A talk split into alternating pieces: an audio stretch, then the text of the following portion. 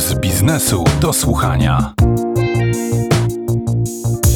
Akcje, obligacje, surowce, fundusze inwestycyjne to wszystko staje się coraz bardziej popularne. Ale i tak najpopularniejszą metodą inwestowania wśród Polaków są nieruchomości. Zakup mieszkania na wynajem był przez lata wyborem numer jeden.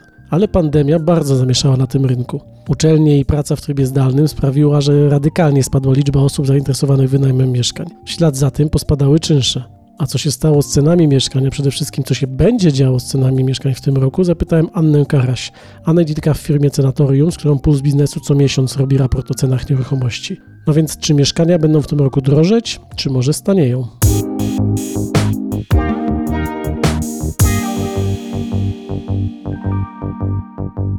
Jest bardzo ciekawe pytanie, gdyż e, wszyscy chcielibyśmy tak naprawdę wiedzieć, co się będzie działo z cenami, a tak naprawdę trudno w dalszym ciągu dać jednoznaczną odpowiedź na to pytanie. Cały czas brakuje nam danych e, za czwarty kwartał z 2020 roku dotyczących sprzedaży mieszkań, dotyczących tego, co się działo z cenami.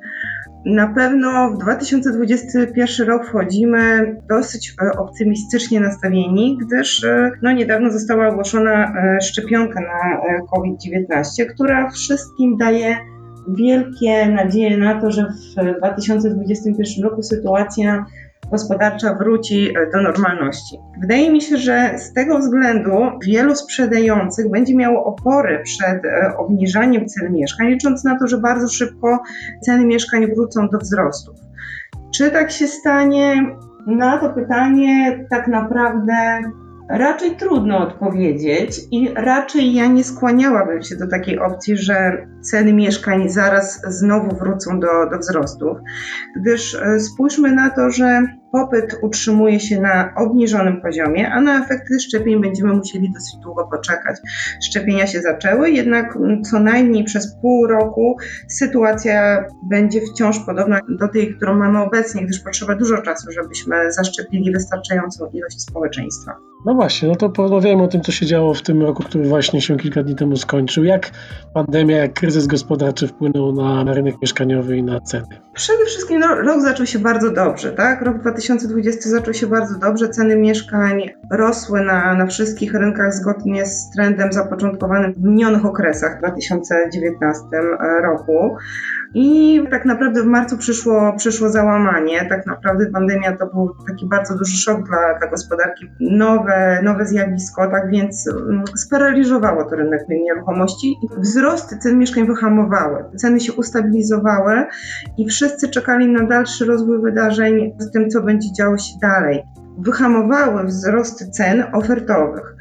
W przypadku cen transakcyjnych w drugim kwartale widzieliśmy jednak spory spadek. W agregacji dla siedmiu e, miast w Polsce, siedmiu największych miast, mam tutaj na myśli Poznań, Łódź, Warszawę, Gdańsk, Gdynię e, oraz Kraków, cena transakcyjna w drugim kwartale 2020 roku była o 10% niższa niż cena ofertowa. Oznacza to, że z rynku znikały głównie te naj, najtańsze mieszkania, najniżej wycenione, gdyż kupujący wstrzymali się z zakupami najdroższych mieszkań, bojąc się, że po prostu, że po prostu będą za nie przepłacać. W drugim kwartale było widać silną presję i oczekiwania na to, że w wyniku obecnej pandemii ceny mieszkań zaczną spadać. No to też liczba transakcji, prawda? Tak, oczywiście. Liczba transakcji spadła co najmniej o 50% na większości e, rynków w Polsce i właśnie sprzedawały się e, te najtańsze mieszkania. Trzeci kwartał z kolei zaczął się już lepiej, gdyż y, przypomnijmy, że był to taki kwartał, no, okres wakacyjny, kiedy zniesiono część obostrzeń. Sytuacja gospodarcza poprawiła się, Polacy wrócili nawet do podróżowania, przemieszczania się, czyli tak naprawdę zaczęła wracać y, normalność, nowa normalność, ale, ale czuć było na rynkach duży optymizm i również zaczęła rosnąć liczba transakcji y, na rynku mieszkaniowym. Z tym, że liczba transakcji zaczęła rosnąć w dużej mierze ze strony klientów inwestycyjnych. Przypomnijmy, że w tym okresie znowu zostały obniżone stopy procentowe do najniższego poziomu w historii, czyli 0,1, w wyniku czego trzymanie pieniędzy na lokatach bankowych czy, czy w ogóle na kontach oszczędnościowych stało się zupełnie nieopłacalne i 200 miliardów złotych zostało wyjęte z kont oszczędnościowych, z czego co najmniej 10% trafiło na rynek e, nieruchomości. Więc trzeci kwartał był tak naprawdę dobrym kwartałem dla rynku mieszkaniowego, gdyż bardzo dużo zakupów odbywało się za gotówkę. Mówi się, że było to nawet 70% e, transakcji.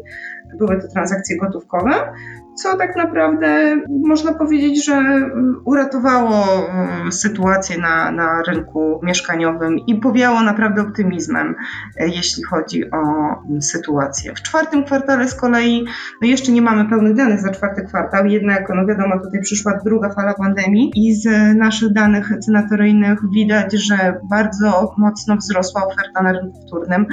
Na początku w październiku było to nawet pięć e, razy więcej mieszkań niż e, przed pandemią tak? Więc podaż na rynku wtórnym jest dużo, dużo większa niż było to przed pandemią, co świadczy o tym, że bardzo spadła sprzedaż ponownie mieszkań, co także pokazuje czas ekspozycji oferty przed pandemią, czyli styczeń, luty mieszkania na portalach ogłoszeniowych były eksponowane średnio 10-12 dni. W czasie najgorszym, czyli takim czasie kwiecień, maj, ogłoszenia wisiały ponad 20 dni na stronach, po czym znikały i nie jest to równoznaczne z tym, że zostały sprzedawane, a raczej usuwane i odświeżane po nowych kwotach, często niższych a pod koniec roku znowu, znowu czas ekspozycji oferty wzrósł do około 18-19 dni. Rozumiem, że ci, którzy kupują inwestycyjnie mieszkania z przeznaczeniem na wynajem, liczą, że my szybko wrócimy do e, tego stanu sprzed pandemii, czyli studenci wrócą e, na uczelnie, pracownicy wrócą do biur, no bo jednym z takich trendów na rynku nieruchomości to jest ta praca zdalna i szkoła zdalna, która sprawiła, że w tych dużych miastach popyt na mieszkania na wynajem, e, no przynajmniej tak mi się wydaje, powinien zmaleć. To prawda?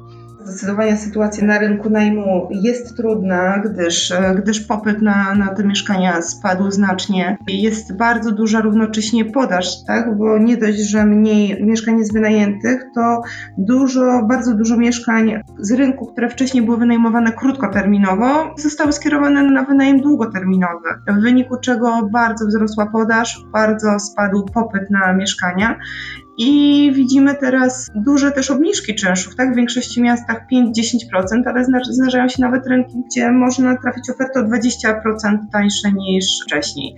Widać także, że wiele osób, które wynajmują mieszkania, poprawiają sobie teraz standard i zmieniają wynajmowane lokale na lepsze, gdyż w tej samej cenie mogą teraz e, trafić e, lepsze okazje. To by znaczyło, że ten taki przez wiele lat y, idealny model kupowania mieszkań na wynajem i takich wysokich stóp zwrotu z tego wynajmu, no może przynajmniej w krótkim terminie nie wrócić. Czy jeszcze jakiś trend opisywaliśmy w pulsie biznesu, między innymi to, że wzrósł mocno popyt na takie działki letniskowe?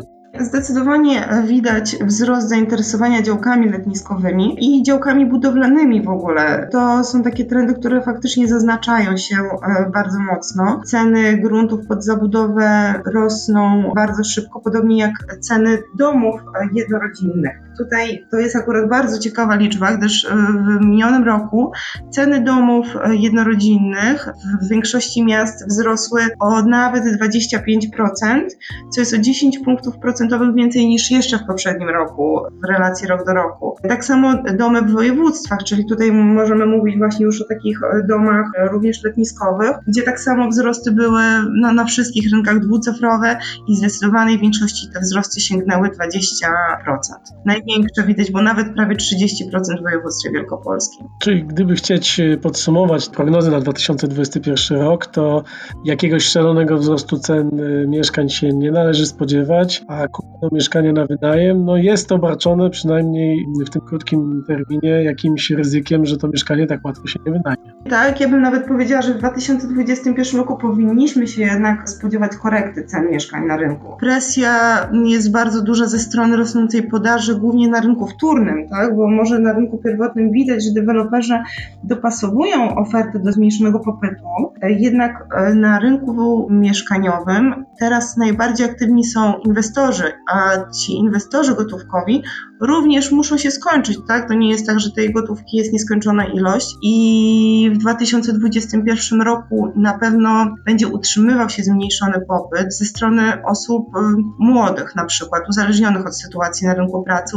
uzależnionych od sytuacji na rynku kredytowym i tutaj sprzedaż będzie mniejsza. Rośnie podaż na rynku wtórnym.